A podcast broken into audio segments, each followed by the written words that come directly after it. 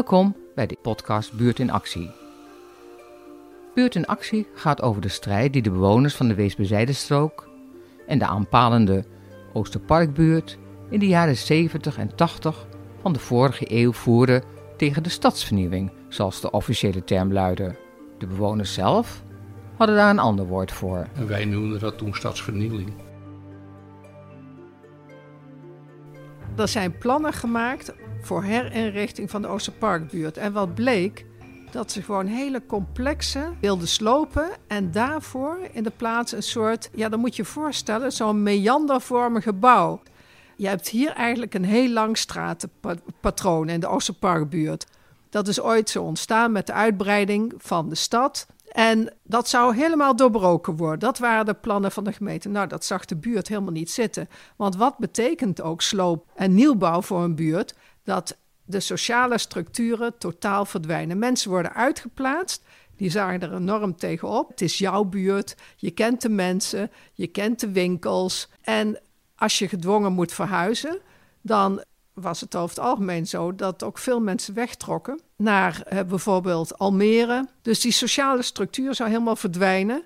En bovendien, nieuwbouw betekent ook voor de mensen veel hogere huren. Dat was echt een struikelblok. Begin 1975 staat sloop en nieuwbouw nog centraal in de stadsvernieuwingsplannen, zo vertelt oud-kraakster en Oosterparkbewoonster Machteld van Tiel. Toch is er wel wat veranderd. Als er een woningblok gesloopt wordt en er een architect gekozen moet worden, krijgen de bewoners inspraak. En die kans grijpen ze met beide handen aan.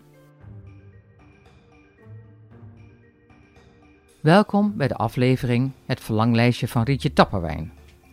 Ik wilde graag een baantje bij een woningbouwvereniging en er stond een advertentie in de krant. Woningbouwvereniging zoekt architect. Ik denk, ah, die is voor mij. En ik wilde bij een woningbouwvereniging onderzoek doen.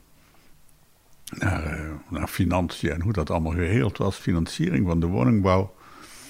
Dus uh, ik schreef op die advertentie, ja hoor, ik werd opgeroepen en ik moest ergens komen om me voor te stellen. Dus ik dacht dat ik bij een kantoor kwam, maar dat was helemaal niet zo. Waar ik kwam was in de Oosterparkbuurt, in een onderstukje, in een kraakwoning.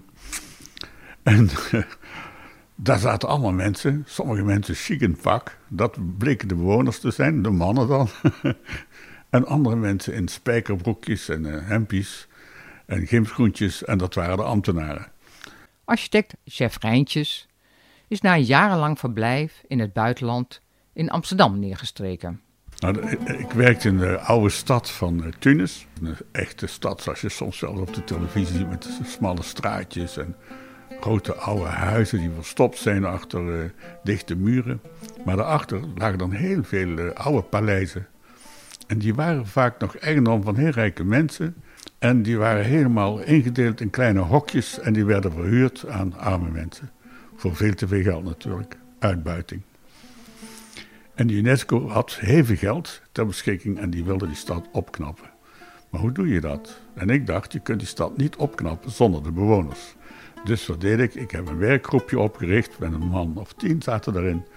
En wij gingen gewoon uh, die stad in, iedere dag. En dan gingen we praten met de bewoners, wat ze daarvan vonden. En het belangrijkste waren de vrouwen daarbij. Die, die, mannen die hadden daar niet zoveel belangstelling voor, maar die vrouwen wel, voor het wonen. En uh, wij wilden graag weten, wat moet je nou doen om het hier beter te krijgen?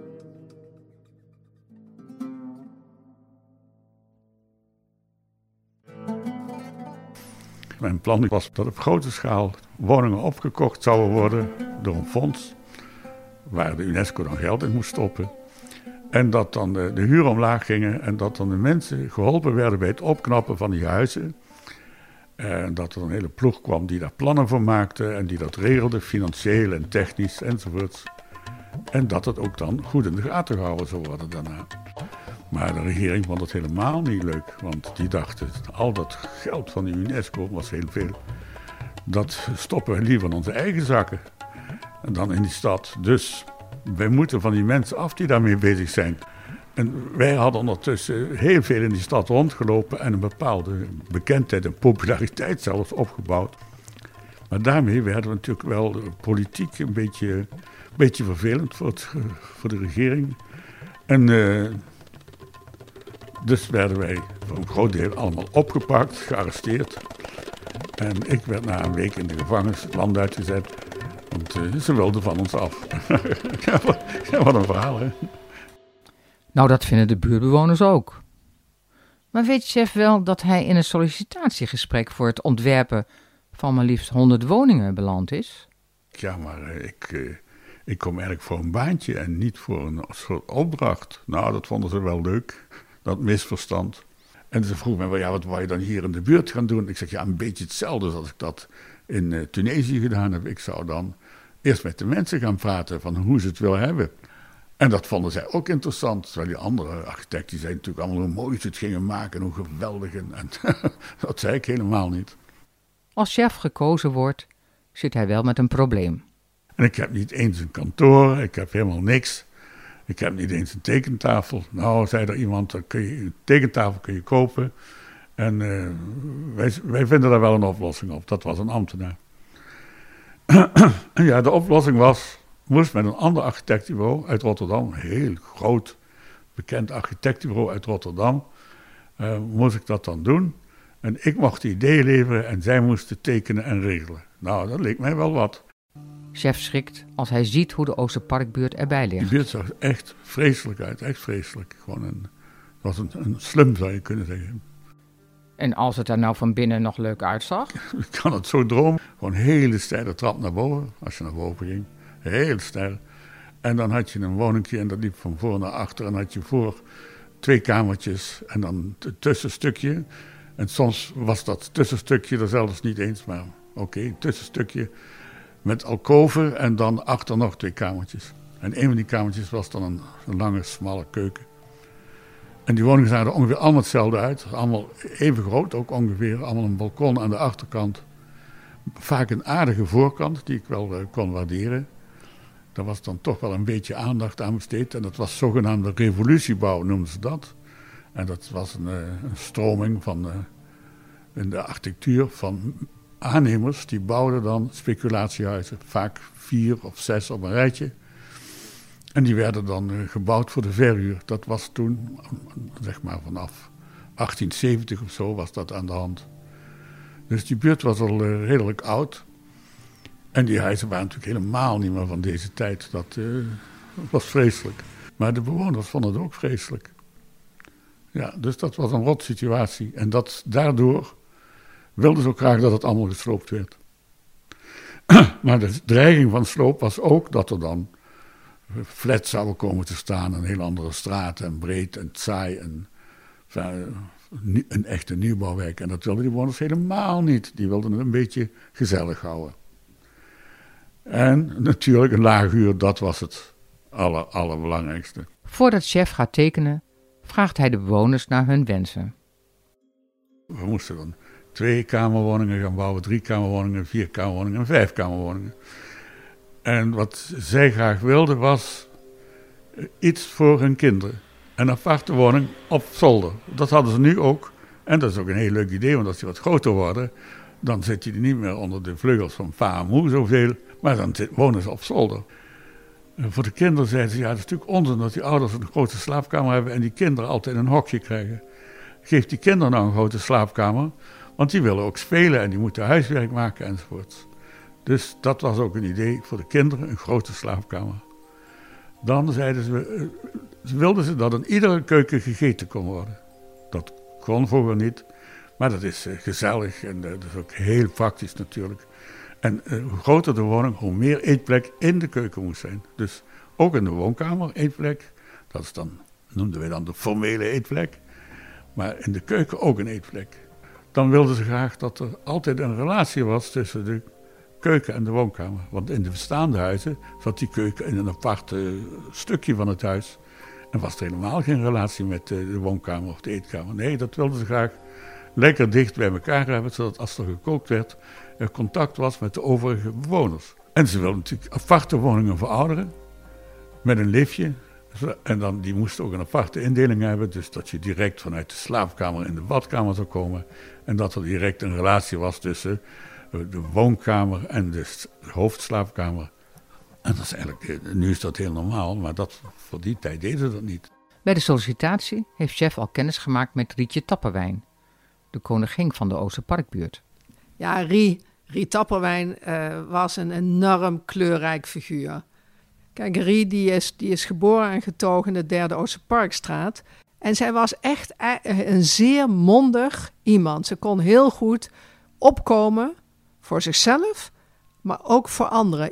Rie had altijd een veel groter zicht op alle problemen.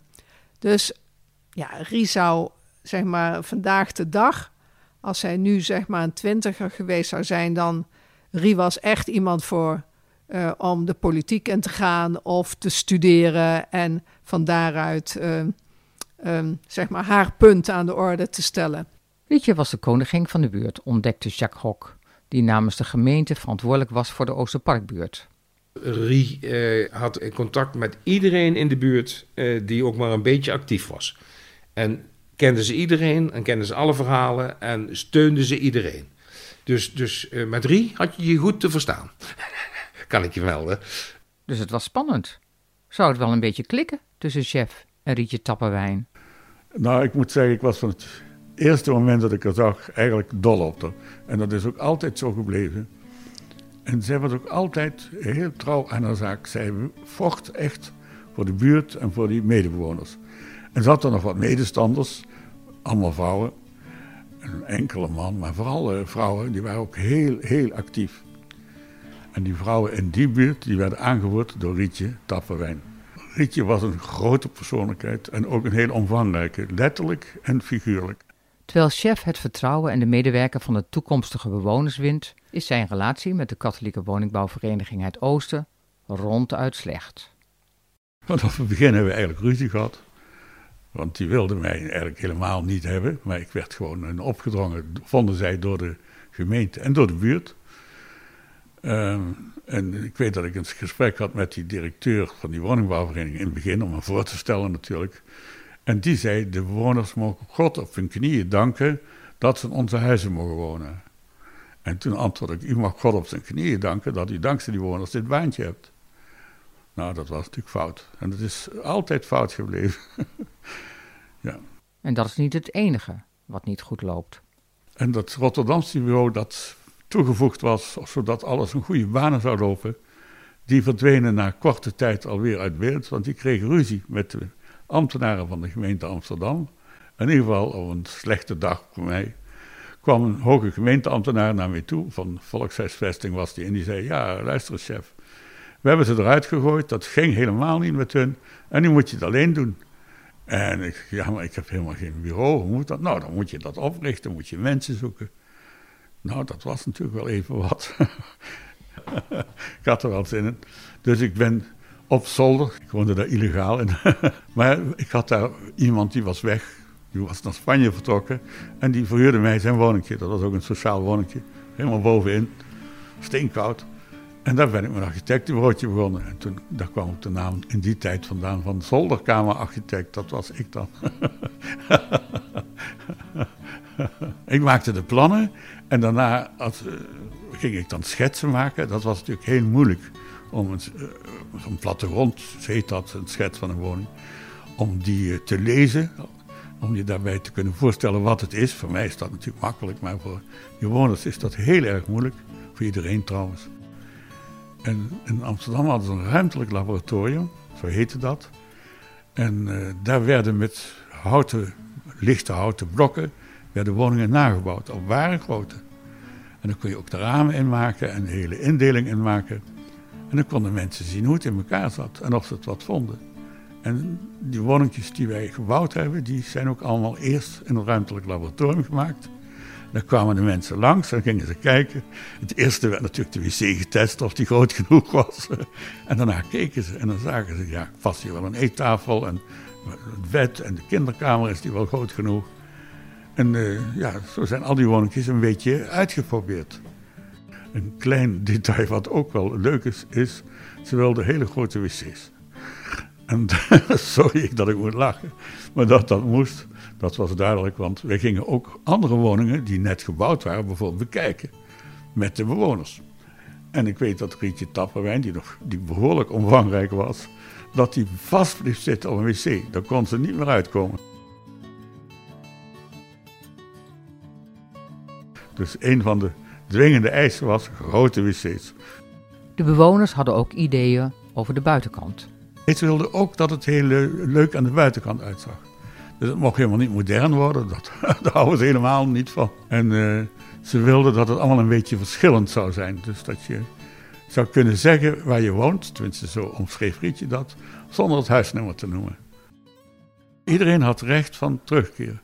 Alleen zo'n proces duurde heel lang, vijf jaar. Toen was je bezig met de inspraak in het begin en dan met het bouwen enzovoort. Vijf jaar is natuurlijk vreselijk lang. En uh, heel veel mensen houden dat niet vol, maar ook toch een aantal had gewoon recht van terugkeer. En uh, mijn grote vriendin Rietje, die kwam te wonen aan het Weukenplein in, een, in het seniorenwoning. ja, leuk hoor. Ja. ja, die was er heel blij mee. Ja. Ondertussen veranderde de samenstelling van de buurt in snel tempo. Heel veel mensen wilden de wijk helemaal niet uit. Het was ook echt zo'n wijk waar de mensen al van vader op zoon en al hele lange periodes waar ze samen woonden. En die voelden zich ook echt Oosterparkers. Nou, toen begonnen de eerste mensen toch weg te trekken, want er waren natuurlijk ook grote gezinnen. En die, vonden, die vonden het wel aantrekkelijk om naar Purmerend te gaan, zeker als ze een aantal kinderen hadden. En toen hebben we besloten gewoon eigenlijk om die woningen te gaan kraken. Want op het moment als je dus aan leegstand gebeurt en alles wordt dichtgetimmerd, nou, dus de verpaupering van de buurt. En toen is er eigenlijk zo'n hele strijd begonnen over van, uh, het leefbaar houden van de Oosterpark. In de volgende aflevering, Samen voor de buurt, zien we hoe de oude bewoners samen met de nieuwe bewoners, de krakers en de ondernemers aan de slag gaan om de leefbaarheid van hun buurt te verbeteren. Buurt in Actie is een samenwerkingsproject van het Geheugen van Oost en Geluiden uit Oost. Met dank aan chef Rijntjes, Wachtert van Til, Jacques Hok, Ineke Jansen en Piet Schuit. Interviews en montage zijn van Tineke Kalk.